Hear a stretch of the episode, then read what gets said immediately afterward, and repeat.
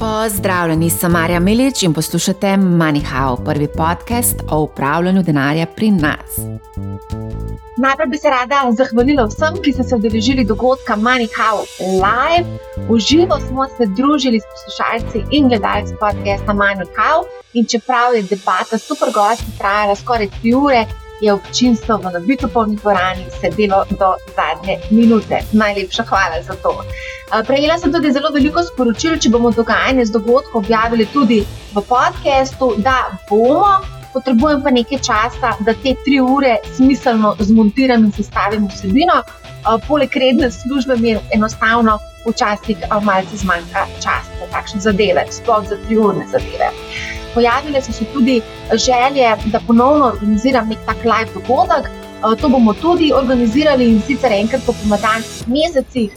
Zaenkrat pa hvala vsem za podporo in hvala tudi, da poslušate Money How. Gremo na današnjo epizodo. Že kar nekaj časa želim pripraviti epizodo o Kitajski. Volja do moči se je pokazala na zadnjem kongresu Kitajske komunistične partije, na katerem si je Xi Jinping, kitajski predsednik, zagotovil prijateljski 24-članski politbiro in tretji zaporedni mandat na čelu partije. Kaj to pomeni za prihodnost sveta? Čeprav se mogoče komu tu v naši državi pod Alpami to ne zdi zanimivo ali pomembno, se moramo zavedati, da dogajanje na kitajskem zelo vpliva, lahko zelo vpliva na naša življenja. Spomnimo se, kako je COVID pred skoraj dvemi leti praktično ustavil svet.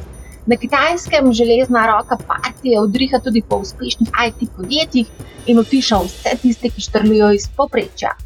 Menda, da bo letos manj iPhone-ov na voljo za božične nakupe, eden od razlogov so tudi okužbe s COVID-om in posledično zapiranje mesta, ker je locirana največja tovarna na svetu, tovarna iPhone-ov, oziroma nekateri temu tudi pravijo iPhone City.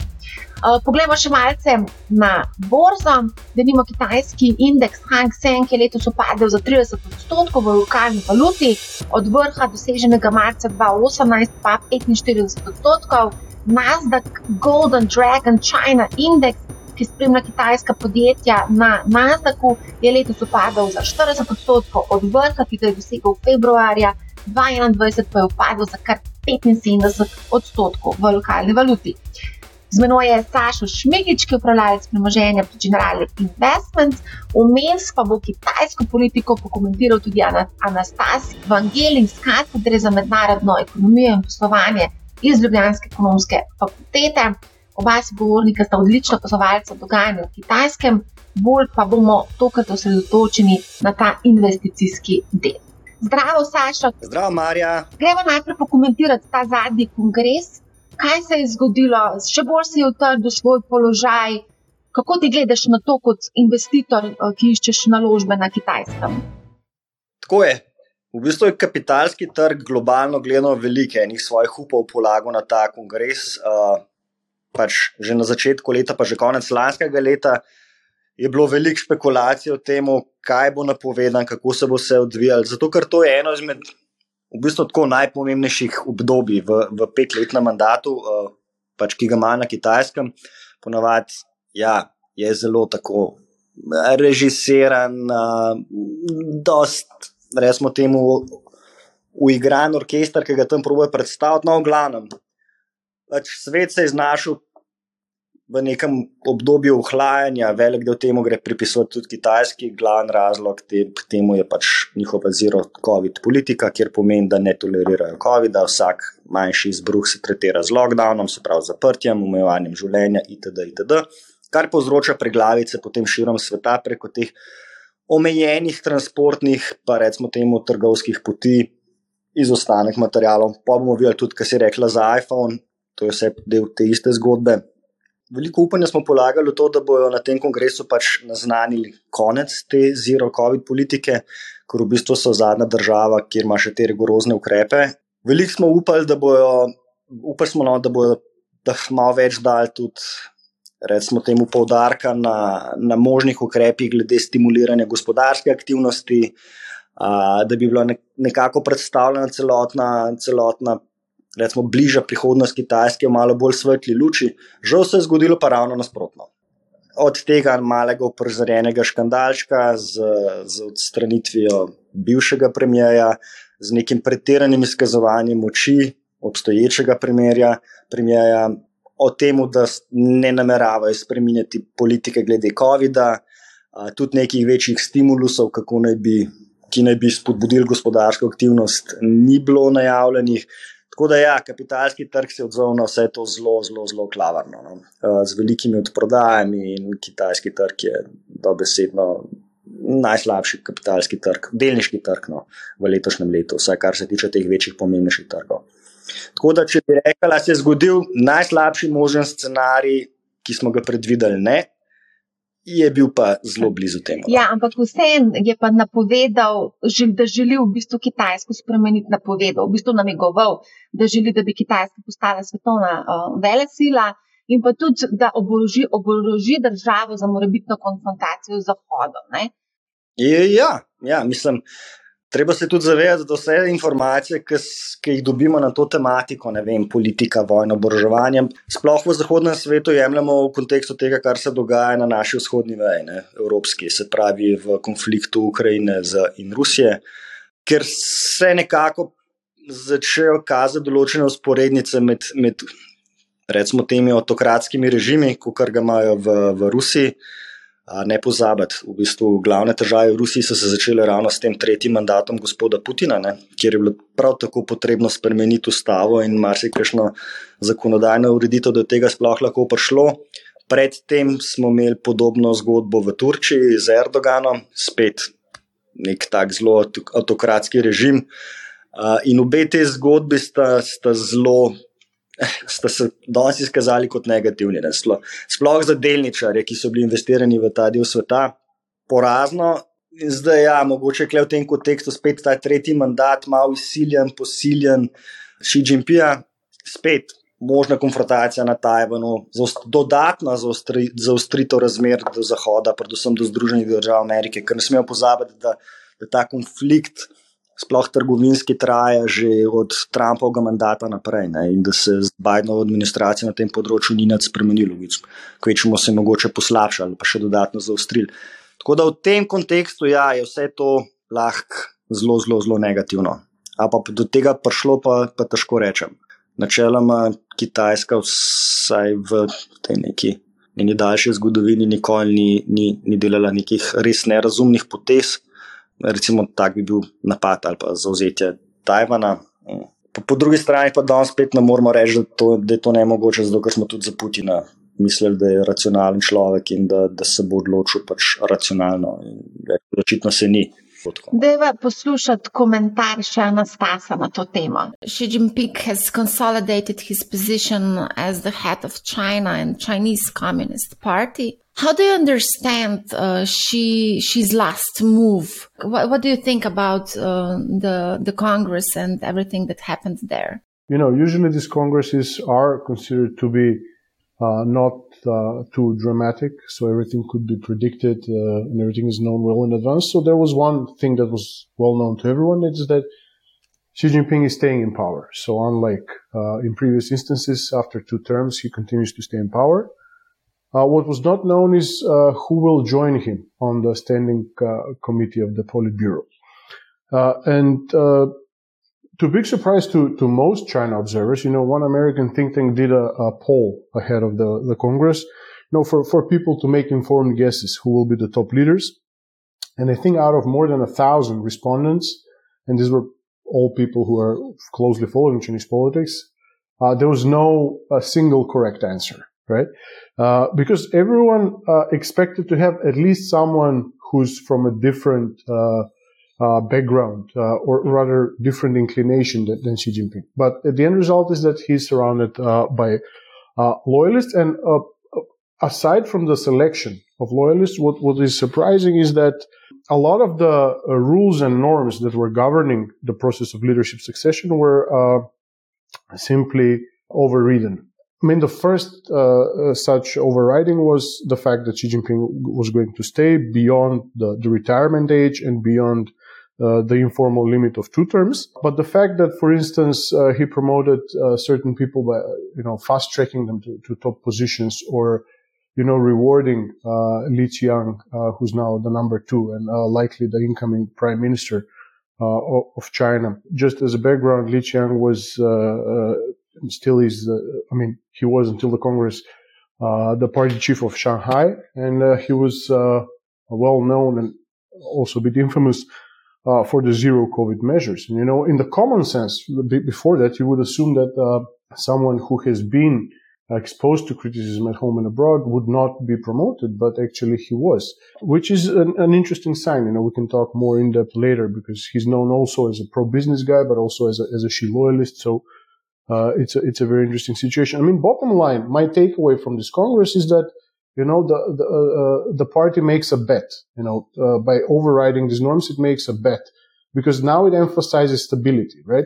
But it's, it's, it's not bluffing in a sense that, uh, uh, you know, th- there are dangerous times ahead. So they they rather, you know, stick, you know, closing the ranks around Xi Jinping, uh, which can enable the party to, in a way, have almost, you know, this rule by exception powers, right? So, so they, they can be very centralized and, and they can impose a, a very direct top down policies if necessary, uh, which of course is undoing a lot of the progress done before, but at the same time tells you what are their uh, priorities.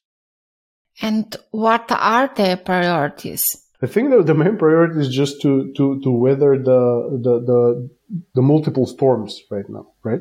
So, uh, there's, uh, of course, uh, a big economic restructuring happening for some time now there is a very tumultuous geopolitical context. This has been, of course, brewing for some time, but it has entered new stages after uh, uh, the war in Ukraine. And these, these two things combined, you know, uh, make for an unprecedented situation. And what do you think will happen uh, with Taiwan? Uh, that's the, uh, the problem, most critical question, right? Because I mean, for China, Taiwan matters in several ways. I mean, just pure geography pure geographical argument. Taiwan is just there off the east coast, and any crisis in Taiwan uh, is a logistical paralysis of the most progressive part of China.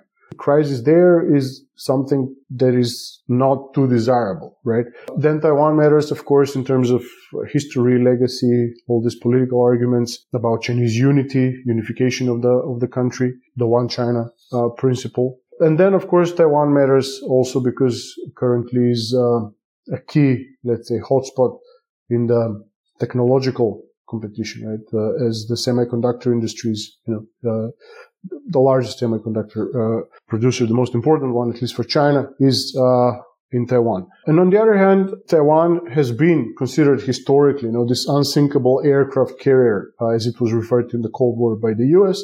Of course, during the uh, period of, of uh, engagement, uh, the U.S. was not as imposing uh, its interests uh, in Taiwan, but it was always there. However, it, has been considered by the U.S. as a, a, very useful, if I may say, instrument in the struggle against China. I mean, we've seen this year with the trip by Nancy Pelosi, you know, the U.S. can easily change the agenda and impose a certain discourse uh, just like with one uh, trip by a politician, right? So, uh, and, and we've seen by the reaction by China, who initiated military drills ever closer to, to, to the shores of, of Taiwan, that it's not going to take lightly any such moves as well. So it's not a simple situation. Na Tajvanu imajo eno veliko tovarno, Taiwan Semiconductors. Kako bo zdaj s tem, kaj se dogaja? Si mogoče kaj bil pozoren na dogajanje Ja, sej to, to zgodba s temi mikroprocesorji oziroma čipojem ni, ni nič novega. V bistvu to je glavno jedro spora in se vleče že zadnjih, ne vem, sedem, osem ali pa celo več let. Je pa v bistvu izvor vsega tega želja ali pa napoved Kitajske, da ne bi postala v naslednjih desetih letih globalna tehnološka vele sila. Se pravi, dobesedno naj bi na tem področju prevzela primat. Ameriki, Združenih državah, uh, Združenih državah Amerike. In ja, zelo velik kapitala uh, se je zlival v, v ta segment na kitajskem. Mogoče so v eni točki tukaj američani zaspali in se zdaj situacija rešuje malo na silo v zadnjem momentu, in so te tenzije še bistveno večje, kot bi bile, mogoče če bi se stvari odvijale prej ali pa bolj razumno. Tako da ja. Dejstvo je, da, da da se je celotna industrija mikroprocesorjev skoncentrirala na enem majhnem otoku uh, v Kitajskem morju, ki se mu reče Tajvan. In da je cel svet dejansko odvisen od tega, kaj se tam proizvaja. In čeprav bi se američani želeli, da bi se ta industrija lahko tako le preslikala džip, džip, v Ohio, Texas, Arizono ali kamorkoli drugam, to pač čez noč ne gre. Kitajski odnos do Tajvana je znan, oni mislijo, da je to njihovo območje, tako da ja, situacija je zelo sporna. No? Ampak ni, nima, ni nova, ni povezana s Tajvanom, s tajvanskim kontaktorjem, je povezana s tem bolj ideološkim. Uh, Z ideološko zamislijo, pa ne samo zamislijo, ampak se stvari že odmaterializirajo tudi v realni ekonomiji in uh, v, v samem segmentu uh, razvoja tehnoloških teh procesov, aplikacij, mikroprocesorjev, kjer Kitajska res, res dela velike korake in ja, verjamem, da gre to nosem rečanom, zato ker se res lahko zgodi, da se želje Kitajske uresničijo no? in da bomo v bistvu v petih do desetih letih videli Kitajsko kot tehnološko vele silo. Ne samo ekonomsko, ampak tudi tehnološko, kar do zdaj ni bilo. Ravno ta teden je na kitajskem svetovna internetna konferenca, kjer naj bi se zbrali vsi ti največji moguli iz IT panoge. Že lansko leto smo imeli to konferenco in takrat so v bistvu te podjetniki moguli dali podporo šiju in pa njegovemu boju za to skupno blaginjo. Tem, zelo so ja. tako, se mi zdi, da delujejo tako po nareku partije, no? tudi so te podjetniki. Dobesedno brez podpore partije tam ne moreš spet. To je dejstvo. Ne dobiš kapitala, ne, ne odprejo se ti marsikatera vrata. Tako da ja, ta primer ali babe in žeka imajo v bistvu pokazal, ne samo kitajski, ampak širom sveta, vsem, vsem ljudem na svetu, kdo je glavni in kaj se zgodi, če pač stopiš korak levo ali desno iz, iz scenarija.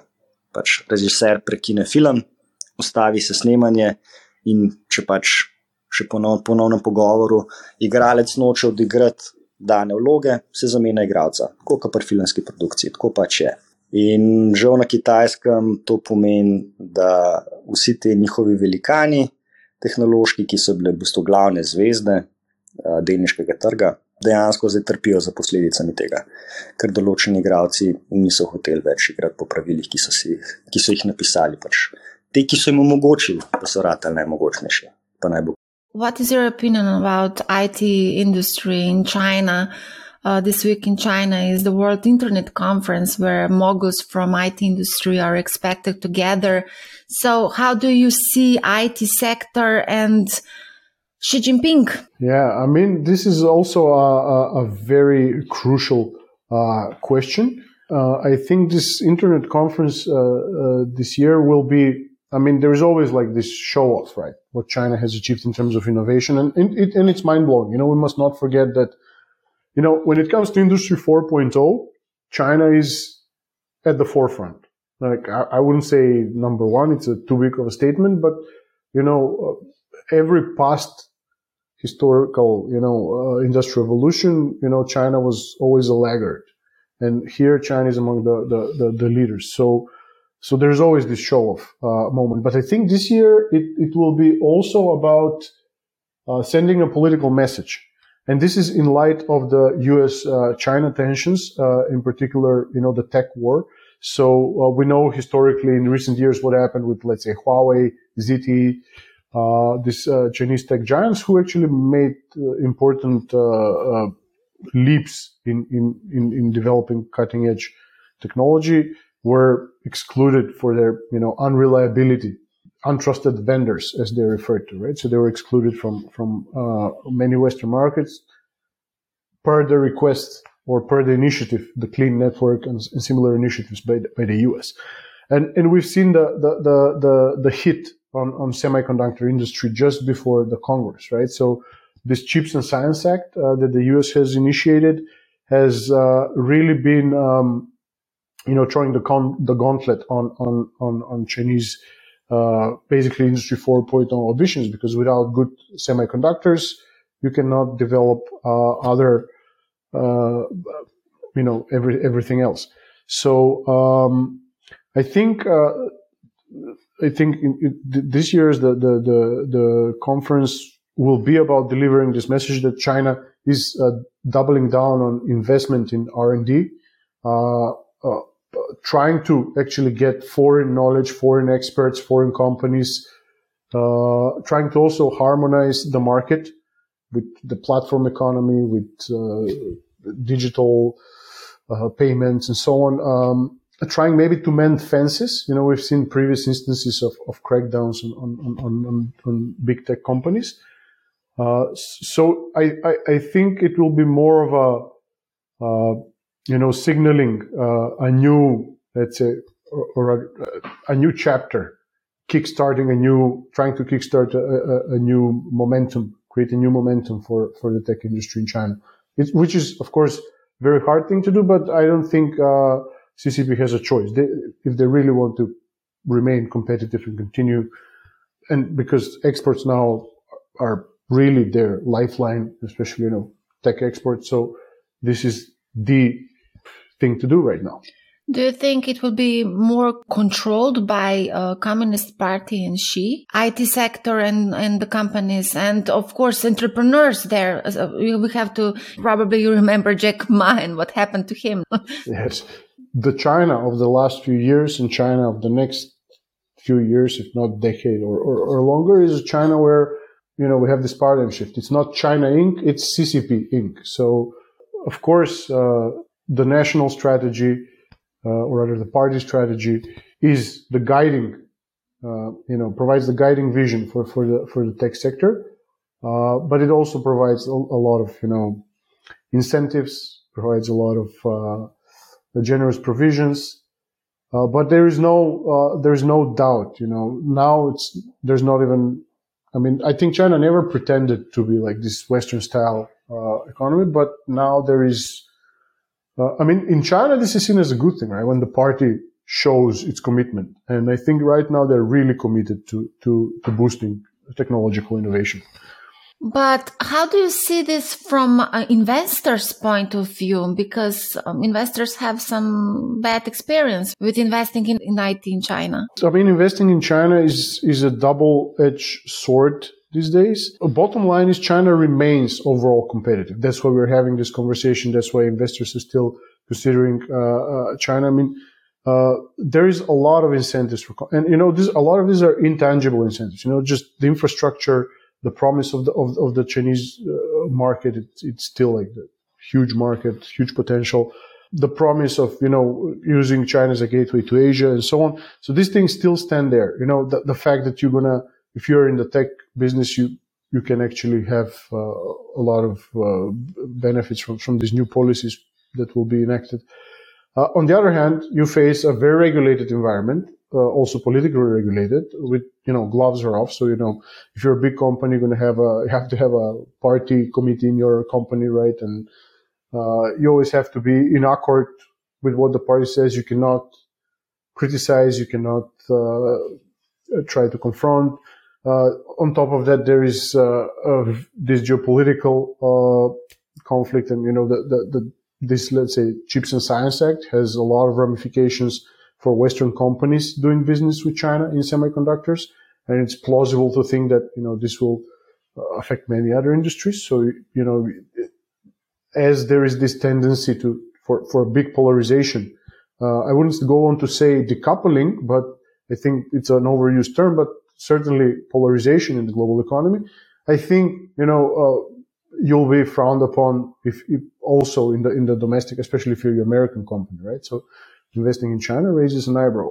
Uh, on, on, the other hand, you know, let's say if you're a European company, we've seen that, you know, lately there has been some uptick in, in, in doing business with China, both in terms of selling European assets, uh, European companies investing in China.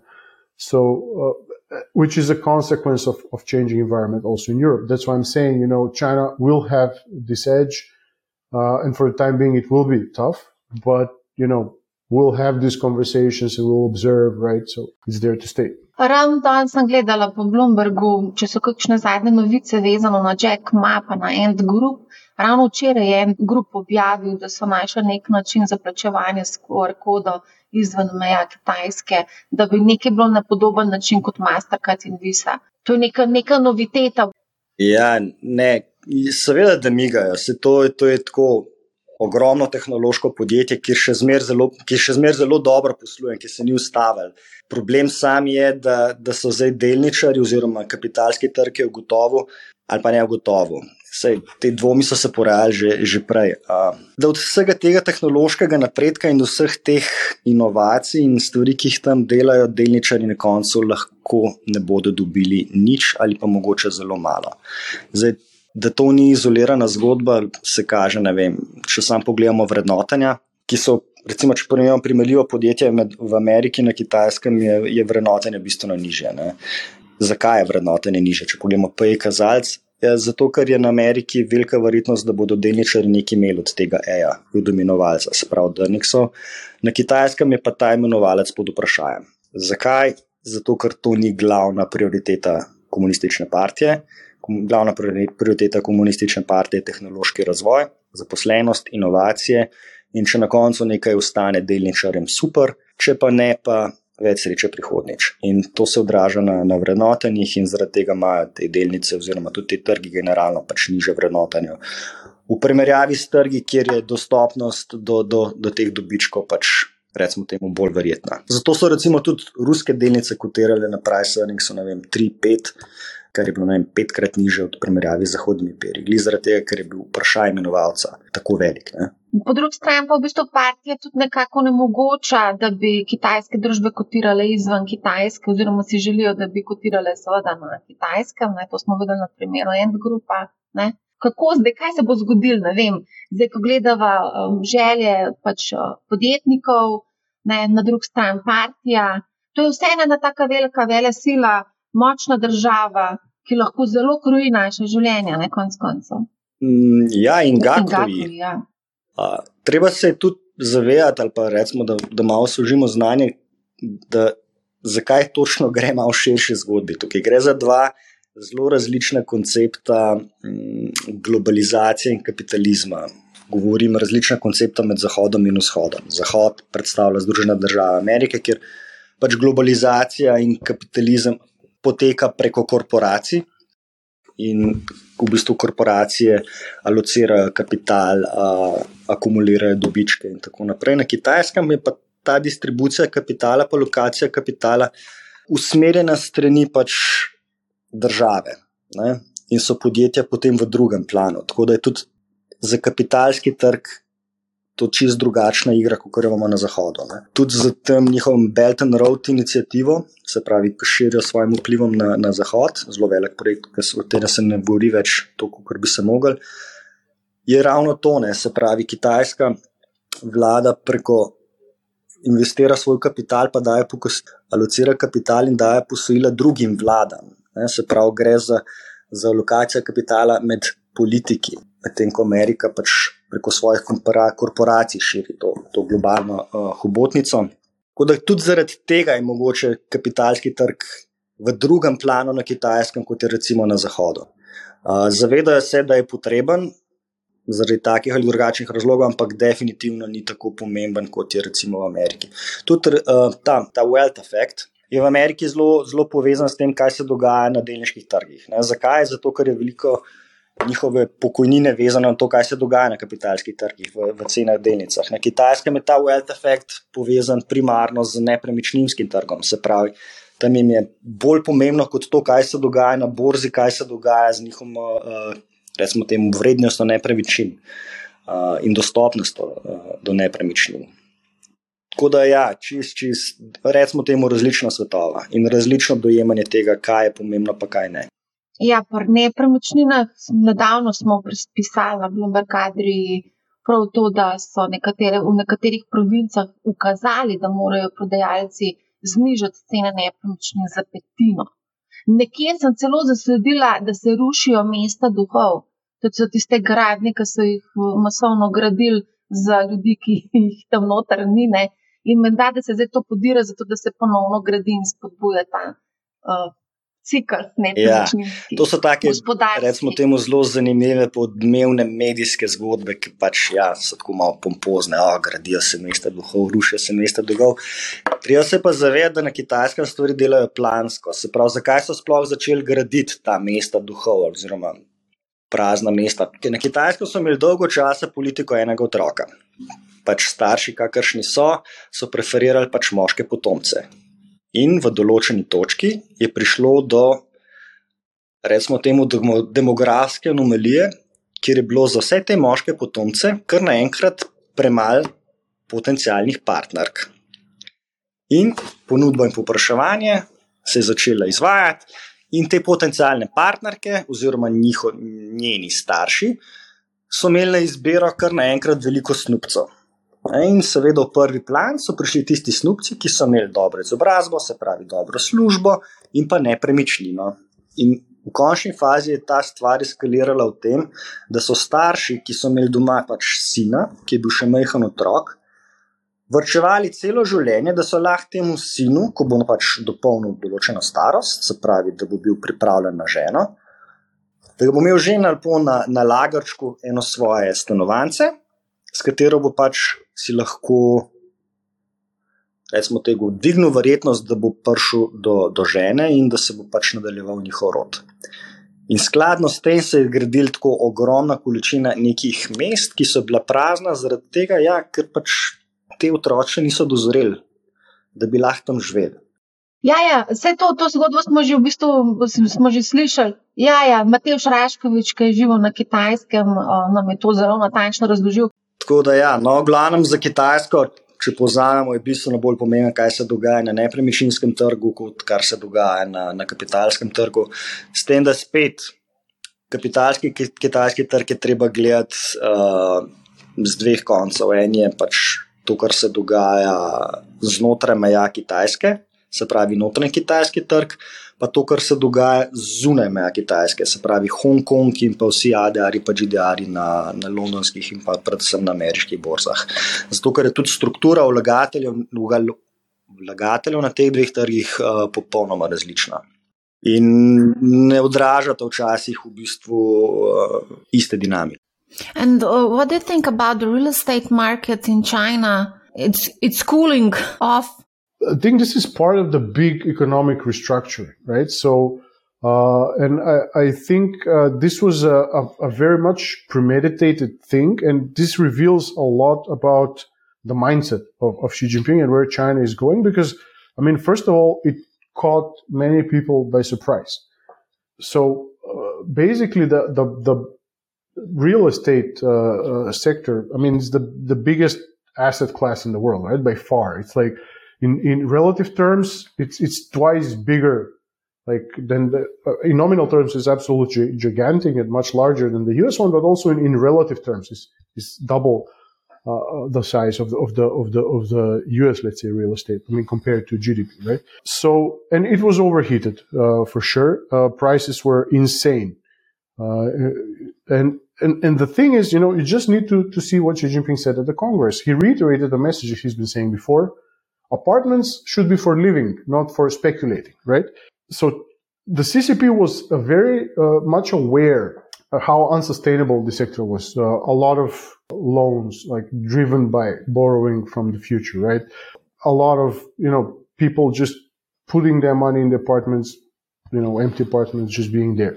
And it was generating numbers of growth, but it was not reliable. And I think at some point they realized that sooner or later this can have really detrimental effects if, if there is a, a meltdown. So they opted to tackle the problem first, right? So they, they introduced certain measures to discourage further, let's say, uh, borrowing, further investment. And this led to, to, to, to several uh, crises. And, and, and I mean, to the you know, the, the cooling off. I mean, which, you know, now is a good thing for buyers, right? I mean, lower, lower real estate prices, although, you know, this affects also fi- financial, uh, you know, now, now, it's much tougher to, to, to get along. Uh, uh, but anyway, um, I think the most important goal, for the CCP was to phase out this kind of, I mean, to phase out the import, in terms of importance, the real estate sector from the growth model right? Because this was considered to be unhealthy, unreliable, unsustainable growth. This meant settling for lower uh, growth for the time being, which you know is a shock. It, it's and this is this is something completely uh, new to everyone, something that can be very well uh, justified in ideological terms. Maybe you know if you read Xi Jinping, very socialist flavor of his uh, speech. I mean, not just one speech, like he has volumes of books of speeches, right? So, and, and these are consistent ideas for 10 years now. Also practically, you know, I think it has been a, a, a way to kind of stimulate this economic culture shift, right? Because I think it's been considered a zombie sector, right? You have money, you put in, in, in, in, in endless buildings, but this is not productive investment, right? So now the idea is to somehow stimulate people to think of, you know, investing in something else, something that can actually have more, more tangible benefits. However, I have no idea what's next. You know, this is uh, a, a, complicated situation. I think they're so far have have been able to, to manage it, or they have been, um, you know, crafty enough to keep it out of the debate. You know, at some point with Evergrande, there was all over the news. Now people talk less, but it's still there. Prices are still going down we'll see uh, what happens next. Interesting. I think that um, real estate is really tangible investment.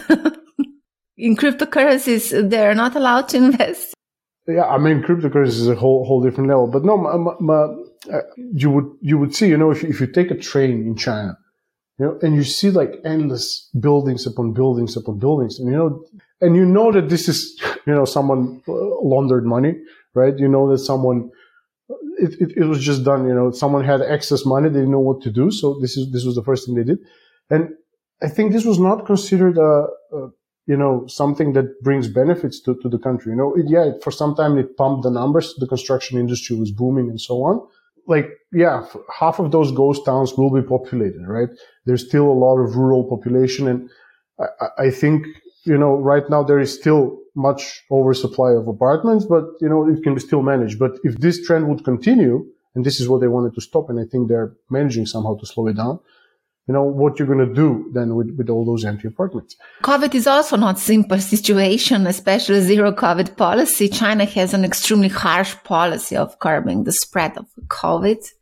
Do you think that the leadership of the Communist Party is using COVID as an instrument to, I don't know, maybe uh, control uh, society or people? I mean, looking from this side of the world, yeah, it can be really uh, difficult to comprehend. You know, in talking to my friends in, in, in, China, sometimes it's really difficult to to to make sense of all that. I mean, we uh, uh, there are at least a couple of explanations, some more plausible than the others, right? Uh, let's say on the formal, like we, if we want to give the benefit of the doubt of the voices in China who justify this long, I mean, these, these zero, zero COVID measures is, uh, let's say people who say, I mean, the, the, core argument is, you know, we value human life, right? So, uh, China does not want to have any excess mortality. And, you know, on the, on top of that is aware of the weaknesses and holes in the public healthcare system. So it, it cannot allow any, uh, uh further contagion that may lead to scenes like we've seen in the first uh, uh, weeks of the pandemic in Wuhan and what we've seen uh, around the world ever since. And then there is, of course, the moral superiority argument. We're a socialist country. We, we care about human life and so on. Uh, there is also some, uh, th- there was this viral speech by a consultant uh, in China who said, you know, if, if China wants to outcompete the West, it should just sit back and relax and stick to, to zero COVID measures because the prolonging effects of the pandemic, uh, which the West has been pretending that is over, right? And the long COVID effects. So not just the, the casualties, but also the long COVID, which impairs uh, human health, uh, will have detrimental consequences uh, further on. This, of course, can be interpreted as kind of cheerleading for the party, right? So take it with a grain of salt. And of course, the, the paranoia argument is there. Uh, the even the corruption argument is there. You know, PCR testing is a huge business in China, and all, all, all, those. You know, it's a whole economy of combating COVID now emerging. So so maybe in some places people have special interest. The fact that you know uh, the national party congress is, was a big milestone. So you know they needed to ensure that there is some. Uh, you know, things are under control, both in terms of outbreaks, but also in terms of having political control. The, the trial and error of new measures of political control is there. So it, it's difficult to, to say, to, to, you know, maybe from, with some historical evidences, we will know more about the reasoning. Uh, and, and, and whether this was a, a, smart decision or not. Right now, it's baffling, especially because the severe economic uh, effect, but also political effects. You know, you, have seen people actually protesting, not massively. Of course, they cannot do that in China, but more important, people voicing their uh, dissatisfaction, people trying to just get out of China. You know, the more progressive, more educated people, Western expats, and so on. How to gauge this? You know, there's always this assumption that Chinese leaders know what they're doing, so they, they have to have their logic, right? But uh, it, it, beyond the speculation, it, it's hard to, to to conclude what it is. Yeah, but we do have lockdowns um, of cities and provinces, and it does have negative effect on the economy, not only in China but also um, globally. For example, iPhone City or the the factory uh, in the city, which was which uh, actually I'm not sure if it was closed or not. I'm not sure about that, but the city, I know it's in lockdown and the airport. Yeah, so this was in, in I think you're referring to Foxconn factory in Zhengzhou, which is uh, basically the, the biggest assembly line for Apple, because this is where a lot of components and iPhones are, are, are being made. And we've seen the footage of people uh, breaking out of the of the uh, living facilities and, and, and, and just going by foot to their hometowns and so on, which was I think it was remarkable like uh, that that we saw it. I think uh, there was a bit of loss of faith of authorities, so uh, I'd be curious to, to see, you know, whenever something like that happens, someone on the local level, you know, heads will roll. You know, it's never the center. Like the center is the one who imposes sanction, but some local level official will, will surely be punished for that. Uh, but I think it's interesting, you know, how this uh, uh, plays out. You know, Apple is particularly concerned with this because it, it's a major interruption in, in, in, in production, in, in, supply chains and so on.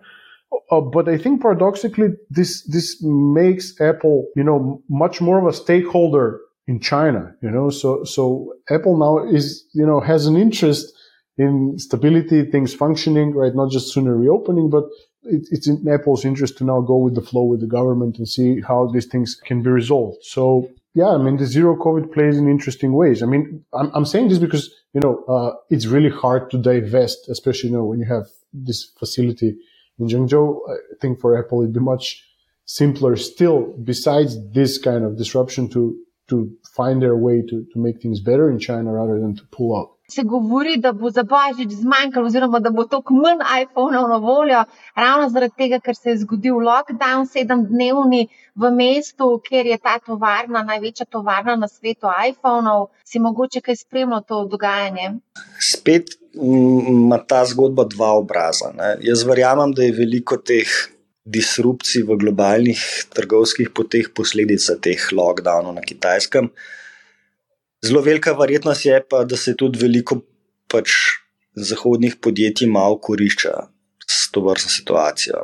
Uh, recimo, zelo fino reči, da je omejena ponudba in da pač stvari niso na voljo, tem ustvari nek, recimo, nevidezno pomankanje uh, agregatne ponudbe po nečem. Pripričaš kupce, da pa dajmo, ne, zdaj pa res bo zmanjkalo, ni, in potem lahko mogoče za to zaračunaš kaj pa vem, višjo ceno. Uh, recimo, v avtomobilski industriji je zelo lep primer, ker naenkrat nisi mogel dobiti avta pod določenim nivojem upreme. Se pravi, so bila na voljo samo temu bolj premijska vozila za bistveno višjo ceno, in so potem podjetja izkazala ob relativno pač nižjih prihodkih bistveno večje dobičkonosnosti. Tako da. Ne vem, če pogledam ta iPhone 14, se to je dosti, ko se reče, memes, mi smo menili. Ja, je to. Ja, primerjajo 13, ko 14, ko ne, pa v bistvu vidijo, da ja, kaj pa je kle noga. Lahko je tudi kle na tem področju, kaj je malo tako zgodba. Ja, pa jih ne bo, pa da je te raj to hiter kupiti, pa ne, pod posebnimi cenami. Ja, lahko pa, da, da jih tudi ne bo fizično zaradi pač štrajkov, oziroma ne štrajkov, zaradi lockdownov. No, zdaj, ko smo pri iPhonu, pri pospeševanju prodaje, mogoče bi tukaj saj še Tesla omenila, ker Tesla konkretno je pa tudi zdaj že dvakrat najprej znižal za 5% ceno oktobra, zdaj so pa do konca leta, to se pravi novembra, so pa dali do konca leta nek hud popust na, na Tesla, ki so na zalogi. Mislim, da čez 1000 dolarjev, 1100 dolarjev za nakup Tesle. Na kitajskem, seveda. Kako lahko to razumemo? Zdaj nisem strokovnjak čisto točno za Teslo, ampak kar poznam zgodbo avtomobilske industrije, tako globalno, ali pa recimo ne globalno, bomo rekli temu zahodnoevropska avtomobilska industrija ustvari večinoma svojih dobičkov v, v Emerging Aziji, kar bistveno pomeni na kitajskem. Tako da lahko je zgodba podobna tudi s Teslo. Mislim, glede na to, kaj se, kaj se ustanovitelj, pa glavni delničar, v kakšnih vode se je podal zdaj, pa, pa koliko nekih, recimo, temu stroškov si je nakupil, mogoče potrebuje dodatni denar. Ne vem. Kako si lepo povedal, stroško si nakupil, ja, je bil vedno par investicij vmes. Tako določene odločitve vmes so bile mogoče malo, recimo, na prvi pogled čudne, ali pa recimo temu nečisto racionalne. Pa da zdaj rab, kaj še en dolar več, ne vem. Lada je predtem dvignil ceno Tesla, ne vem, tako kot pred Black Fridayem na neke nivoje, pa zdaj ponuja popust. Ne vem. Dejstvo je pač, da avtomobilska industrija tradicionalno, tradicionalno že zadnjih vem, 10, 15, 20 let večino profita ustvarja na kitajskem. Da, no, če se tam stvari ustavijo, potem pač se bo ustavila tudi dobičkonosnost teh zahodnih avtomakerjev. Ne vem pa, kakšna je točna zgodba s Teslo. No, se to je ravno zanimivo vprašanje. Če se tam ustavi, če se tam ohlaja v bistvu povpraševanje, če bomo imeli nižjo gospodarsko rast, če bodo ljudje kupovali manj električnih avtomobilov, se bo to tudi odrazilo na Zahodu. Definitivno se bo to odrazilo na Zahodu. Tudi ne samo to, ne, ampak kar opažamo, ne vem. Tudi od, od Trumpove administracije naprej je bila ta težnja po tem, da naj Veš, make America great again, let's bring business back to USA. Podobne, podobne stavke ali pa teze smo, smo slišali tudi na Zahodu, ne, v vzhodnji Evropi. Se pravi, da bi vrnili neko, nek del industrije, ki smo jo v zadnjih 20-30 letih outsourcali v Azijo, primarno Kitajsko, zdaj pripeljali nazaj. In jaz vedno pol vprašam, ok, v redu, ampak kaj pa to pol pomeni? Ne? če boš ti, ne vem, iPhone prepel, ne vem, iz Apple City na kitajskem, kjer dobesedno ljudi delajo, ne vem, 24 ur na dan. Ne? Uh, tudi na YouTubu je kakšen dokumentarc, kakšne neozdržne razmere delujejo, mislim, so tam pri teh zaposlenih. Zdaj pa ti prenes to, ne vem, v Ohio ali pa v, v Michigan. Ja, in ta iPhone, ki že danes stane 1000 dolarjev, ne, bo pa 105 dolarjev. Ne. Ali smo tudi to pripravljeni kupiti ali ne. Tako da nisem to, kaj se tam dogaja z njihovo, njihovo gospodarsko aktivnostjo. Oni bojo, bojo te stvari bistveno lažje preživeli, kot mi, če se stvari pač ločijo na levo, pa na desno polovico sveta. Zato, ker imajo domači trg tako močen, da, da bo pač z domačim popraševanjem prišlo do neke normalne ali pa neke naravne rasti, v tem kaminu zahodu bomo imeli pa bistveno teže težave. Ne samo, če se tam ustavijo, ker so že zdaj glavni driver eh, globalnega GDP-ja, ampak če se uresničijo te želje politiko, da ne bi pač del outsourcene proizvodne vrnili domov. Eh, potem lahko pričakujemo podobno, podobne ukrepe, tudi, ali pa poročilne ukrepe tudi strani Kitajske. Prav, ok, v redu vi hočete vzeti proizvodno iz naših fabrik v Ameriko ali pa Evropo, ja, potem pa tudi Tesla, pa BMW, ne boste kle prodajali. Da gremo do takance gospodarske rasti, zdaj smo že večkrat omenili, letos naj bi se rast kitajskega gospodarstva počasnila na 2,8 odstotka. To je kar precejšen upad iz leta 2021, ko je bila gospodarska rast 8,1 odstotna. Mnogi pač ne zaupajo v to uradno statistiko kakšna je dejansko sploh res gospodarska rast Kitajske? Težko reči, težko reči, zato ker ja, že, že do zdaj te statistični podatki niso bili verodostojni, oziroma veliko ljudi to je malo zmero. Skepse. Skepse, ja. Uh, zdaj v luči zadnje dogajanje pa vse skupaj še bolj, še bolj tako zavito v neko tančico skrivnosti. Tako da ne bi rekel, ne bi niti upal ugibati, kje te številke so kar je Kitajska pokazala do zdaj, je, da, da so sposobni pač stvari obrniti, da so sposobni narediti bistveno več, kot smo, smo mogoče sposobni mi v Evropi, z odločnimi potezami, z raznimi stimulativnimi ukrepi. vemo, da je bil glavni driver kitajske gospodarske rasti pač povezan z državnim spendingom, se pravi z investicijami države. Z tem so zgradili ogromno, ogromno infrastrukturo in to je v bistvu pač poganjalo celotno kitajsko ekonomijo zadnjih recimo, 30 let, spravi industrializacija in pa urbanizacija. Ja, res je, v zadnjih 3, 4, 5 letih se ta dva trenda ustavljata, ampak še zmeraj je dosti lufta, če hočejo lahko v letu ali dveh pač plasirajo ogromno kapitala v ta segment in pač zbildajo ta, ta GDP growth. Do mere, ki jo potrebujejo. To je tudi ena od teh stvari, ki sem govoril na, že na začetku. Ne, da nekaj, nekaj v tej luči smo pričakovali od tega kongresa, ki je potekel zdaj, neko napoved nekega stimulusa, ki ne bi vsaj tako kratkoročno uh, prikazal bolj svetlo sliko no, za, za kitajsko gospodarsko rast. Žal temu še ni bilo. Ampak ja, predstavljam si pa, da če se bodo stvari še dodatno zaostrovale, da a, imajo, imajo na voljo urodja, ma, s katerimi lahko pač te stvari a, stimulirajo. In ja, v preteklosti so že večkrat pokazali, da so jih pripravljeni tudi uporabiti. Zdaj, velja pravilo, oziroma rek, če jih na Amerika, so prehodici v svet, ampak enako lahko rečemo, da če jih na Kitajska, se lahko absolutno prehodi, ali pa pa še kakšen virus, tudi cel svet. Ne? Ampak da samo ta scenarij malo preigrajva. Če pride do recimo recesije na Kitajskem, kaj to pomeni za cel svet?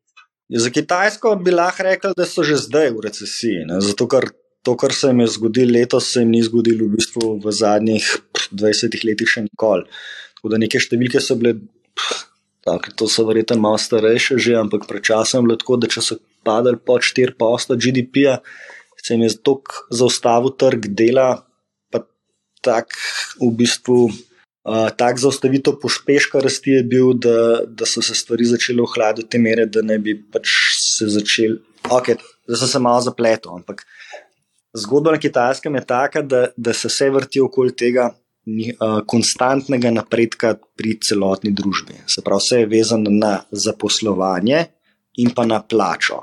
In če se gospodarska aktivnost v državi ustavi do te mere, da se upočasni za uh, zaposlovanje, bog ne dej, da celo prije do nekega reza zaposlenosti, potem lahko to povzroča pač socialno stisko pri posameznikih in s tem se pač zamaja. Uh, zaupanje v, v vodstvo, v odločitve vodstva, v, sploh v redostojnost tega, kar delajo. In to je v bistvu glavna skrb, po mojem razumevanju, kitajske partije. Se pravi, njihova glavna naloga, naloga je, da se življenjski standard prebivalca konstantno izboljšuje. Ker v tem primeru ne bodo imeli težave, težave z, kako se reče, temu omejevanjem svoboščin, z nadaljevanjem obstoječega režima, kako koli s tem pač kar delajo. In ja, mislim, da, da na trenutni točki pač smo klene, da zaposlovanje je pač v upadu. Zaradi tega ne verjamem, da bodo pustili, da se situacija v njih doma še dodatno zaostri.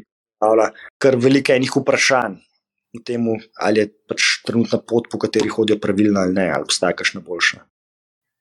Chinese economic growth is declining from 2021, but uh, many don't have faith in official statistics. What do you think about that?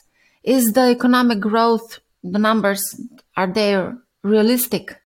Yeah, I mean, the, how, how was the saying? There lies, them lies, and statistics, right? So uh, I, I and Chinese statistics especially have been always uh, scrutinized by, by experts. So I, I'm, I'm no, in no, no position to comment on, on how true they are, but what, what even the official statistics confirm that there is a, a decline in numbers. And I think the, the, the mere fact that we have those statistics is again a very surprising thing, something you would not expect, especially not from someone like Xi Jinping, who's portraying himself to be the big, uh, you know, uh, uh, caretaker of the Chinese nation, uh, leading to national rejuvenation, right? So it's a especially in a year of a party congress, and I'm not, and, and this is there's a twofold reason why the party would be in the, our previous common sense, they would be afraid to release uh, not so good numbers in a Congress year. First,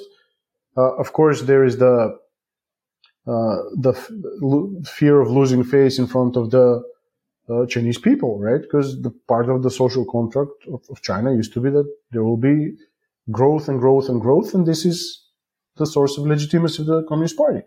But then on the other hand, you know, in a Congress year, all these officials on, on the lo- local level, on the provincial level, they're competing to get promoted. And one of the key indicators for someone's success was to produce high growth levels.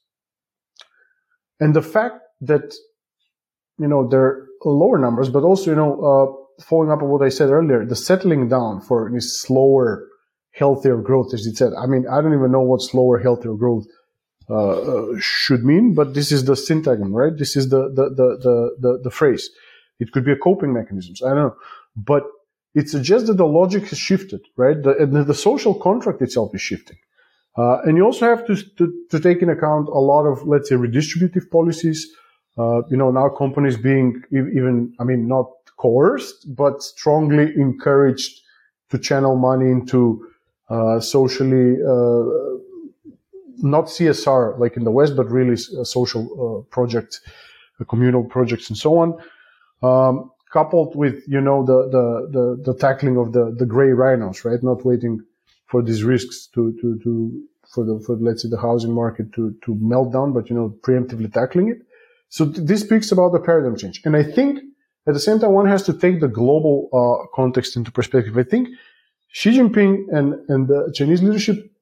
Uh, uh now is not so much. Uh, uh, I mean, it's, it's still concerned about domestic legitimacy, but it's also seeing how uh, all this plays out on a global stage. And even if you take in account this lower growth, China is still better performing than the Western economies during the COVID-19 pandemic. It's not where it would want to be ideally, but it's still better. Off. And, you know, the prospects for the West are, are not so good. And, you know, I think Xi Jinping has taken this as a window of opportunity to, in a way, try these different things. And, and again, trial and error experimentation, a big thing that is often o- overlooked in China. They're not afraid to try new approaches, uh, especially if, you know, they see that something is not working well. So it's, it's, uh, again, I cannot emphasize the element of surprise and novelty. And I think it will take some time for us to, to make sense out of all of this. I mean, and and we don't know where this is going. Of course, that the fact that the country is closed off, so we cannot really go there, talk to people anymore, is becoming really hard to, to predict. So I don't know, maybe in two weeks we're going to see something that will completely contradict me, but I think there will be some prolonged time of this uncertainty. But bottom line is, you know, many other sectors are continuing to, to, to, to work in China. I mean, they're manufacturing, export, even besides zero COVID, even be, beside, you know, geopolitical tensions. I think these things will continue to, to, to, to, to work and be the lifeline of the Chinese economy. Na začetku sem omenila um, Dragon Index Nasdaqov. Recimo, zdaj imaš se kdo bo rekel, da je 75% je a je to zdaj priložnost, da recimo kupimo na tej borzi ta indeks? Kar se je začelo dogajati dobre dve, tri leta nazaj, je to, da so v Ameriki sprejeli zelo rigorozne pogoje za glede investiranja v kitajske delnice. In Kitajska se je na to odzvala s tem, da je dobesedno vse, mislim, da je še par imen ostal, sključno na, na ameriškem trgu, no, v glavnem, večinoma teh ameriških zgodb je pre, pre, preselila v, v Hongkong.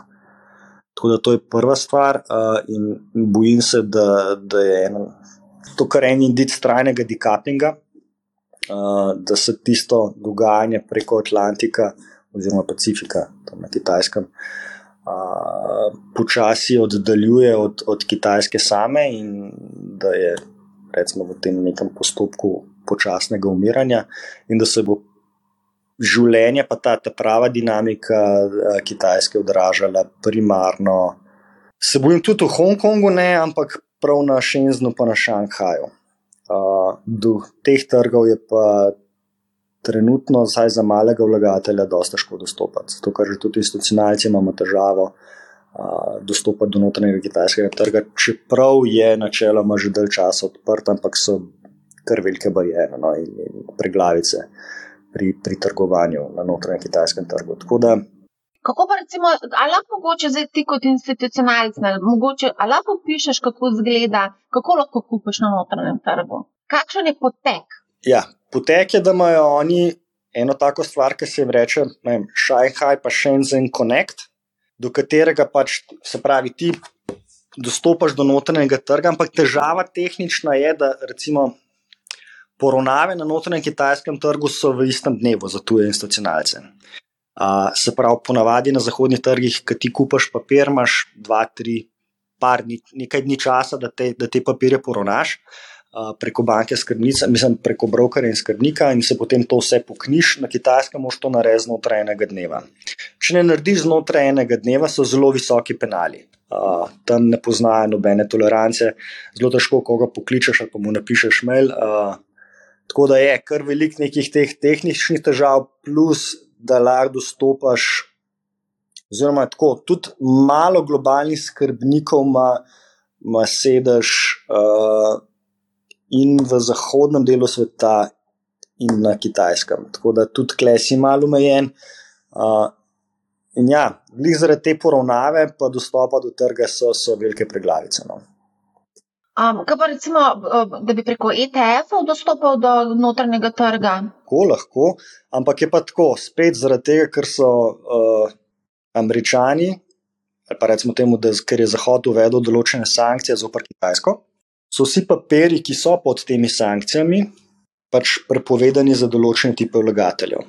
In vsi, recimo temu, tuji brokeri ali pa te globalne banke, skrbnice zelo ne rade. Uh, oziroma, je veliko preglavic ali pa tudi prepovedi glede trgovanja s temi papirji. Tako da zaradi tega dobesedno, tja, mi ne poznamo nobenega, nobenega ETF-a, ki bi bil primeren za tujega institucionalnega vlagatelja. Ravno sem šel na iShare, uh, na Just ETF in imaš iShare, MSC China, USIC ETF, uh, pa imaš cel kup nekih teh China uh, holdingov. Problem je, če je eden izmed teh holdingov na sankcijski listi strani Združenih držav Amerike, potem ti cel produkt pade. Ni, ni vezan to na, na, na sam ETF, načeloma je eno, ampak tudi tako. Vsi tuji brokeri zelo ne, mislim, spremljajo stvari v detalji, vejo, kaj noter v ETF-ih je in če je kjerkoli ime noter, ki je sporno, s tem papirjem ne trgujejo, oziroma ga ne poravnajo. Katero, recimo, pa je sporno? Katero podjetje, papir je sporen, da ne bi smel trgovati, a mogoče veš iz glave. Vsi te ta velika imena, ki so bila, ne vem, na, že po medijih, tudi vi ste pisali o tem, kva so bili Huawei. Recimo en tak večji je China Mobile ali pa Petro China. Vse, kar diši po nekih vojaških IT, telekom zgodbah, ki bi bili lahko povezani z neko, ne vem, vohunjenjem, vohunsko industrijo, vse te stvari. Drugače pa lahko greste na OFAK, na OFAK stran, tam je seznam v bistvu vseh naložb, ki so prepovedane. A, ok, ja, to je tudi ena tako zanimiva. A, vidim, ja, zdaj sem šla pogledat, seveda, takoj direkt, evo, bom tudi linkala, link dala v um, opisu epizode. Um, kaj pa to, zdaj, menda, da se na kitajskem bojijo deflacije, indeks cen proizvajalcev je v oktobru, oziroma v oktobru padel prvič po 22 mesecih. Inflacija v septembru je bila 2,8 odstotna, zdaj za oktober napoveduje 2,2 odstotno inflacijo, če ti podatki seveda držijo. A veš, spet smo nazaj pa runom, ne? Ali te statistične podatke sploh imajo kakšno težo tam ali ne. ne? Uh, ker se, ajš, če pogledaš, kako je bilo pri nas, če bi imel, ne vem, če bi ti, pa tvoji novinarski kolegi pisali, da je pač deflacija, pa da cene padajo, kakšna bi bila percepcija pri ljudeh? Ali bi bila podobna, ista, kot je zdaj, ali dejansko ljudje občutijo, da so se stvari podražile. Ali je sam ta nek medijski pomp o tem, ja, recesija, ja, inflacija, ja, obrestne mere vem, veliko je v tem, no, ustvarjanju percepcije, kaj, kaj je resnica, pa kaj ne. No, in potem s tem pač probaš oblikovati javno mnenje ali pa pač nekako voditi ljudi v njihovem vsakdanjiku. Tako da se bojim, da na kitajskem tudi malo mal tega, no, medijskega spina. Tako da Kitajska je ena tako velika ekonomija, da ima čisto tudi znotraj pač neko svoje življenje. Ja, jaz si predstavljam, ja, da, da je lahko pa res mogoče realna deflacija tam. Recimo, ker cene komoditijev, pa ok, energentov ne, energente pustimo, ampak komoditijev, predvsem ne vem. Raznih teh industrijskih materijalov, železove rude, bakra in podobnih stvari, padajo že kar lep čas. Ne? In vemo, da je Kitajska zelo veliko voznik tega. Tako da s tem, da ima težave njihov real estate segment, um, si predstavljam, da tudi to je en tak deflatorni pritisk. Kar se tiče hrane, ne vem, če je točno, kakšna je bila tam situacija, ampak ja, naj mlade je tudi tam posledica tega, ne, da ljudje manj trošijo, da imajo res dejansko deflacijo. Težko rečem. Ne. Ja, dejansko je res cena tone železove rude upadla iz 200 dolarjev na 80 dolarjev. In to ne, ne, ne, ne pred kratkim, ampak že kar nekaj časa nazaj se je začel ta trend. Tako da zato me je tudi malo presenečalo, ker so ki so bili še zmeraj tako članki na temo, vem, surovin in gradbenega materiala, bolj pisani v to, da imamo inflacijo, pa primankuje stvari, pa ne. Načeloma, osnovni komoditi pa že ne vem, več kot eno leto v deklajnu. Tako da, ja, po mojem, se bo te stvari začele odražati tudi pri nas. No. Da, pa samo mogoče zdaj še ta brik. No? To je tudi zelo zanimiva zadeva. No? Kitajska ima čudne relacije do vseh možnih teh brik držav tudi v zavezništvo vabijo Saudsko Arabijo. Brik je v bistvu zdaj v zadnjih letih bolj ik, ne, kot karkoli drugega. Ker ta Brazilija po GFC-ju se še ni dobro v bistvu zvlekla iz, iz godle, v kateri se je najdla. Uh, zdaj vidimo, da je prišel na oblast spet stari znanec, ne, ki je bil povezan z enim izmed največjih afer v zgodovini Brazilije, s Petro Brajem. Tako da tudi to nekako kapitalskega trga ne navdaja z navdušenjem, in je treba najti za nove akterje, ki bi po, po, dopolnili to zgodbo, te brik, brik eh, investicijske zgodbe, no, uh, ki smo bili vajeni. Ampak ja, že dolg ni več brika, ampak je sam ik in upravičeno, zato ker pač Indija in Kitajska imata skrb skoraj slabe 3 milijarde ljudi, to sta svetova, vsak zase, popolnoma, ali ne popolnoma, dokaj samo zadostna skupaj v bistvu predstavljata en ogromen del že današnje. Pač pogače bruto domačega proizvoda, globalnega. Projekcije za naprej so pa itak primarno odvisne od, tega, kaj se bo dogajalo tam. No, ampak ti si upravljalec premoženja in primarno investiraš v te države, ne samo v Brik, tudi trge v razvoju. Kako v bistvu zdaj kako gledaš na trenutno situacijo, kako iščeš naložbe, na, na kaj si pozoren, kako v bistvu v tem res negotovem in čudnem okolju investirati, pametno investirati. Vsi, ki smo prisotni na trgih v razvoju, več kot deset let, to ni naš prvi sprehod po tem parku. Tako da na trgih v razvoju se vedno dogaja kaj zanimivega, napetega. In uh, ja, to zadnje dogajanje v bistvu ni nič novega, zato ker je samo še en dodaten, dodatna epizoda v tej nihajnosti. Pač tukaj se treba zavedati, da so stvari res zelo, zelo, zelo volatilne in imamo obdobje res enormnih rasti in obdobje res enormnih padcev. Vsi, ki pač stopajo v ta, v ta del kapitalskega trga preko svojih naložb, se morajo tega zavedati, da ja, lahko pričakujejo lepe donose, lahko pričakujejo tudi zelo lepe pace. Kako jaz na te stvari gledam in kako v bistvu vlagam v takih trenutkih, je vedno poskušaš najti take zgodbe, predvsem delniške zgodbe, ki imajo nek dolgoročen potencial, se pravi, imajo dolgoročno uh, zanimiv poslovni model, oziroma predstavljajo nek. Vsaj trenutno temelj ekonomije, po drugi strani imaš pa, imaš pa vedno takih situacija, kjer je prišlo do res velikega eksodusa vlagatelja, stvari, ki so mogoče padle preveč. Ni nujno povezan s poslovanjem ali pa z, z poslovnim modelom podjetja samim, ampak pač ljudje so se odločili, da iz tega trga izstopijo masovno in mogoče so kakšne zgodbe manj likvidne in zaradi tega zabeležijo večje pace. Tako da kle se vedno najde mogoče kakšen tak pocket of value, zaradi tega, ker so bile stvari preprodane ali pa pač prodane v paketu, zato ker se pač kapital seli iz tega trga, ker je nezanimiv kot tak. Do zdaj se je še vedno pokazalo, da so bili to veliki paci, da so bili to v retrospektivi dosti lepi pointi za vstop na trg. Sploh zdaj se mi zdi, glede na so tudi vrednotenja relativno nizko v primerjavi vem, s preteklimi paci, da, da, da, ja, da bi znali, da bi se ta zgodba lahko ponovila tudi pač letos. Problem je ta, da je trenutna globalna zgodba zelo, zelo, recimo, temu majavano ali pa neugodna. O vsem tem, kar se dogaja v Evropi z, z Rusijo in Ukrajino, z negotovostjo glede pač. Bodoče energetske predskrbe v Evropi in kako se bo to odvijalo naprej, bomo videli. A mogoče lahko poveš, katere so bile tvoje zadnje naložbe uh, v zadnjem mesecu, kaj si kupoval po prodaju? Recimo. Vem, da to objavljate v, v mesečnih poročilih. Mm, ne vem, če, ne vem če, če, bi, če bi mi dovolili to. Aha, no, glavno, jaz sem na spletni strani tukaj gledam deset največjih naložb. Uh, Reliance Industries, sem prav izgovorila. Tencent, ja. recimo, Tencent je tudi en tak zanimiv. iShares, China, Large Cap, ne? JD, Alibaba, Infosystem Technologies, v bistvu so ena tako znana imena tudi v, v skladu. Ja, ja, ja.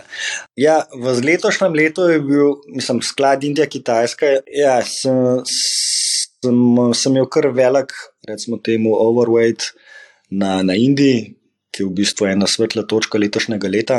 Zdaj, v primerjavi vem, s tem, kaj se dogaja v ostalih trgih razvoju, je to, je to res tak success story letos, tako da ja, glavni overweight ste videli tudi, ali pa med največjimi naložbami je bilo kar nekih indijskih imen. Na kitajskem pa ja, Tencent, Alibaba, JD, to so te njihovi tehnološki velikani, ampak smo kljub temu, da so pač v skladu zelo, recimo temu, relativno visoke v teži, relativno gledano pač underweight oziroma nimamo, imamo nižjo tež v primerjavi z referenčnim indeksom na teh delnicah. How do you see China's impact on global economy over the, I don't know, maybe 12 months? Uh, again, um, I mean, I don't even know what's going to happen next um, week.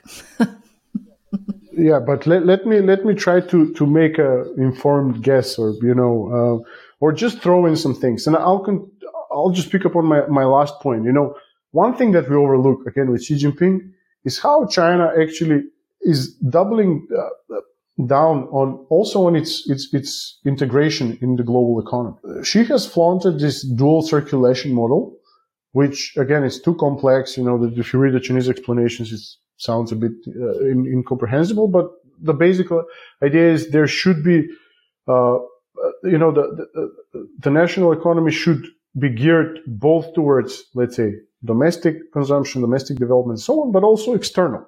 And people have tended to interpret this as China cutting itself off from the world or moving towards self-sufficiency, uh, which in some areas may be true, but it's true in a sense that they need to have a, a backup option, let's say in semiconductors and so on. But on the other hand, you know, the the second pillar of this dual circulation is deepening, you know, links with the world. So it's opposite of, you know, decoupling or cutting itself uh, off, uh, and so on. You know, and I'll, I'll mention three things. You know, Vietnam, Germany, and Tesla, which have been recently in the news. Uh, the first thing that Xi Jinping did after the Congress was to welcome uh, Nguyen, uh, uh, Nguyen Phu Trong. He's the uh, leader of Vietnam. And it was a really ceremonial meeting. It was a party to party meeting. So it was, you know, there were a lot of communist flags, so on, which, you know, for 2022 is a, uh, very uh, interesting iconography to see. The point of their meeting was further integrating supply chains in China and Vietnam. And you know, if you read statements by Western think tanks, policymakers before the Congress, you would think, okay, Vietnam is now becoming an American ally and, you know, taking business from China and replacing China in the global economy. But then, of course, there were also trends of Chinese companies moving to Vietnam also to, to, to, to, circumvent sanctions and so on, but also, you know, to part of a, you know, Chinese version of the flying geese strategy, basically, uh, trying to, to, to, to move, let's say, lower end industries to, to, to, to neighboring countries and, and, and bring them along on the path to growth. So this meeting reinforced the partnership between China and Vietnam. uh, again, catching a lot of people by surprise. Then we have the visit by uh, Olaf Scholz to, to, to Beijing, which, you know, signified that despite the tough talk in Europe, big European companies, especially German companies, are still, you know, bullish on China. And it was not just Scholz going to Beijing. We had BASF, who's shutting production in some some of the production in Germany due to rising costs, opening the largest facility in, in, in, in China. We had BMW moving uh, production from, I think, the UK uh, to China, you know, these, these, these mini cars. Europe, especially now in times of crisis due to the uh, Ukraine war, uh, does not have the luxury to decouple from China, at least not to pursue something uh, like the Americans do. And finally, you know, we see we see Tesla, which has stolen the show. Now it was the the the, the international import expo, the trade expo, the biggest trade expo in China. You know, Tesla was shining there. You know, and it was uh, praised by by by by by Chinese policymakers. China, uh, I mean, Tesla, of course, uh, made a smart move by reducing prices, offering incentives, uh, some special deals on insurance. So it it it it, dominated uh, I mean, it, didn't it still has a lot of catching up with, with BYD, but let's say it's established itself as the second uh, player in, in, in the uh, EV market uh, in China, which, again, uh, you know, yeah, this was good economic move. Like some people say, yeah, they realize that, you know, all those cars that we produced in Shanghai will be very hard to be shipped out of China at this point. So, you know, they have to sell them in China. So this was a smart move. But also, you know, you, you see uh, Elon Musk, who is in the news constantly for completely other reasons these days. Uh, but you can see him being also kind of uh, trying to be bridge between the, the, the, the, US and China in these tough times. And um, actually, I think uh, the, the example of Tesla was referred by uh, people at the uh, trade expo in, in, in Shanghai as a demonstration that, you know, American products, Chinese consumers is not a a, a scary relationship. It's, it's completely normal and, and it should continue to do so. And of course, uh, Tesla was infamous for having opened a showroom in, in, in, Xinjiang, right? This is a very controversial move because Xinjiang is, you know, the region with the, with the Uyghurs where China is, uh, uh cracking down. You know, China says it's opening vocational schools. Western uh, governments say these are internment camps, uh, concentration camps, it's a cultural genocide and so on. So it's been a big controversy about having any kind of presence in Xinjiang and Tesla is deciding to open a showroom there, which is again interpreted as Elon Musk being too friendly uh, with China, uh, which I mean, my assumption is that he is because uh, all these moves suggest that he's uh, also bullish on China. So I would say these are three factors that suggest that you know it won't be all doom and gloom, right? It's very easy to be to, to make a doom and gloom prediction. Just open Twitter, just open the, the news. There are enough of bad news, but I, I, I think there are also some developments that suggest that uh, China will be actually uh, very much involved in um, you know stimulating uh, global uh, linkages in a times of you know great uncertainty. And if you add on top of that that you know as World Bank, IMF are saying that one of the engines of growth after COVID-19 will be infrastructure construction. If you take into account what China is doing at home, Belt and Road Initiative, and so on, I think we'll hear much more about China uh, than we uh, are expecting right now. I think that Elon Musk has his own reasons why he's doing that in China. I mean, Elon Musk is becoming like with, especially with the Twitter acquisition, he's becoming uh, a player in the both like in the, in the global political economy. He's like a, you know, he cannot be seen.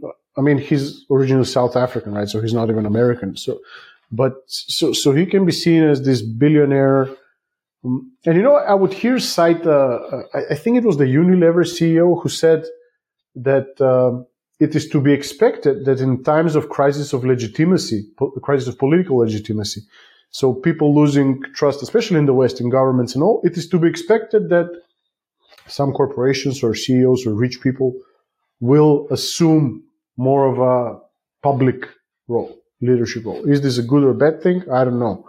Uh, but it, it, it's interesting to see. It's a bit surreal, honestly. Like I'm more closely now following his Twitter antics rather than his China business, even though uh, this is more up my, my area of interest. But the, just the Twitter thing is, is, is, is too interesting to, to ignore, right? So uh, we'll, we'll see. I mean, he definitely has an agenda. I don't know what that agenda is. He now also got involved in, you know, just at the eve of the U.S. midterms, just ahead of the midterms, saying, you know, it'd be good for democracy to vote for the Republican Party, which again is an unprecedented thing. So interesting times ahead. Saša, mislim, da te čaka zelo pestro leto, leto 2023, 2024, 2025, če boš upravljal ta sklad in verjetno tudi, če kakšen glavobol bo pripravil ši vsem upravljalcem, predvidevam, ne. Kaj ti misliš, kakšno leto te čaka? Je, če bi sodel po preteklih, po, po, po preteklih podobnih situacijah, bi rekel, med 2024 Ne, smo 2024, 2023. 2023, ja, prihtevaš. da bo 2023 za me relativno pozitivno leto. Tako da jaz upam, da se pač zgodovina ponovi, vem pa ne.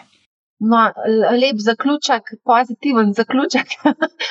Držim pesti, da se tudi uresniči, tako da iskrena hvala za ta pogovor. Okay, hvala. Uh, Anastas, I forgot to ask you before. Um, you're from North Macedonia, living in Ljubljana, and um, you have friends in China. Uh, why you know so much about uh, Chinese politics and economy? I I lived in China, so I studied in China. Like uh, I I first went to China as a tourist uh, in 2009, right? And uh, I I knew very little about China, and uh, as every person back then who had no idea of China. I was very kind of, um, uh, I think prejudiced. I didn't, I, I, didn't know what to expect, but I went to China. I didn't expect to see that level of development. I was shocked. You know, I was speechless. Um, and then I picked up some books. I, I started reading up, and just that whole history of reform and opening up. Uh, you know, I, I'm originally from Macedonia, right? I was I, also studied in Hungary at CEU, and then I did my PhD in Poland. I spent some time in Brussels, so I'm I've been all around. But you know, let's say being from this region, right, former Yugoslavia, uh, Central East Europe, you name it, you know of a particular transition, right, and you you know a certain version of this history of communism. So, but you know, going in China is a parallel universe, uh, and there are a lot of things in common. Right now, actually, I'm I'm starting a project on on uh, um, a bit. It has to do a bit with, with the history of the 80s, how actually uh, Chinese reformers were influenced by uh, Yugoslavia. So, so things that were happening here actually really inspired uh, uh, people over there. But anyway, I, I, went there. You know, one thing led to another. I decided to do a master's there. I did a master's in Chinese politics, foreign policy, and then I did my PhD in Poland, but it was on the Belt and Road Initiative. So uh, frequent trips to China. I, I worked there, so I don't know. I mean, uh, I, I, really miss it to be honest. I haven't been there since December 2019. I, I, feel like I don't know it much. Like what I've been talking to you is mostly like by talking to people and, and reading up. So uh, my experience has been before because I was traveling quite frequently. And I was traveling at least once or twice a year. Every next trip, it was a new China. Basically, it was changing so much. So I, I'm I don't know what what will be uh, my next experience. I mean, I'm I'm sure I'll be shocked. I don't know in what way. And how long did you live in China? And where where did you live? Which part? I lived for two years in Beijing uh, when doing my master's in Renmin University, and then I've been uh, traveling for research fellowships again in Beijing. Uh, then I was also doing some conf- like organizing events uh, in Chengdu, Guangzhou, Hong Kong, Taiwan as well. I was teaching in Shanghai, doing a fellowship in Suzhou, so I've been through a few places. Okay, Anastas, thank you very much for a very interesting discussion about China, about politics, economy, and everything that's happening there. Thank you. Thanks, thanks.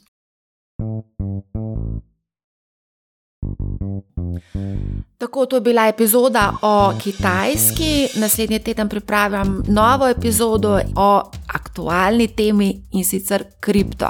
Veliko se dogaja na kriptotrgu, vse zelo budno spremljamo. Imam pa eno zanimivo vabilo za vse tiste, ki bi želeli eh, spremljati snemanje epizode v živo. Se nam lahko pridružite v ponedeljek ob 18. uri, bo vas sogovornikom snemala epizoda. Povezavo do platforme, preko katere snemam, bom objavila na našem Discord kanalu.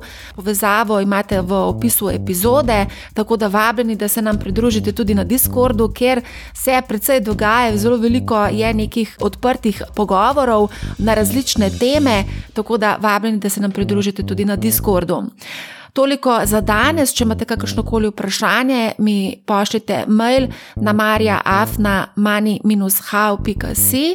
Sicer pa poslušajte Mani How, ne bo vam žal in lep pozdrav!